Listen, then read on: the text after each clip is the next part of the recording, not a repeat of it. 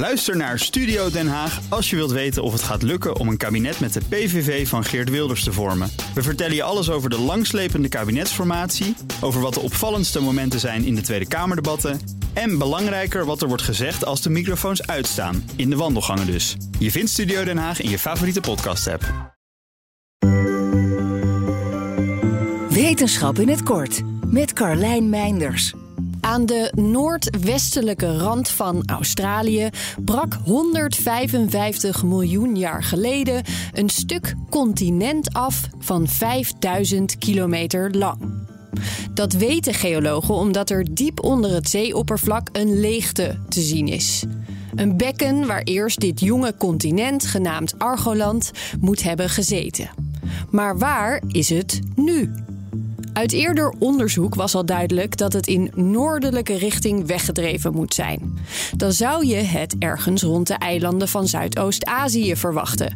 Maar onder die eilanden ligt geen groot continent. Na zeven jaar onderzoek is het geologen van de Universiteit Utrecht nu gelukt om te achterhalen wat er echt met de reizende landmassa is gebeurd. Het continent bestaat nog steeds, maar begon 300 miljoen jaar geleden al te versplinteren in allemaal kleine stukjes. Stukjes die zich hebben verplaatst, maar die toch allemaal rond dezelfde tijd op een nieuwe bestemming zijn aangekomen. En daar liggen ze nu nog. Verspreid onder de jungle van grote delen van Indonesië en Myanmar. De jaren van onderzoek hebben de wetenschappers dus uiteindelijk naar hun schat van scherven geleid. Maar dit is niet alleen een mooi verhaal.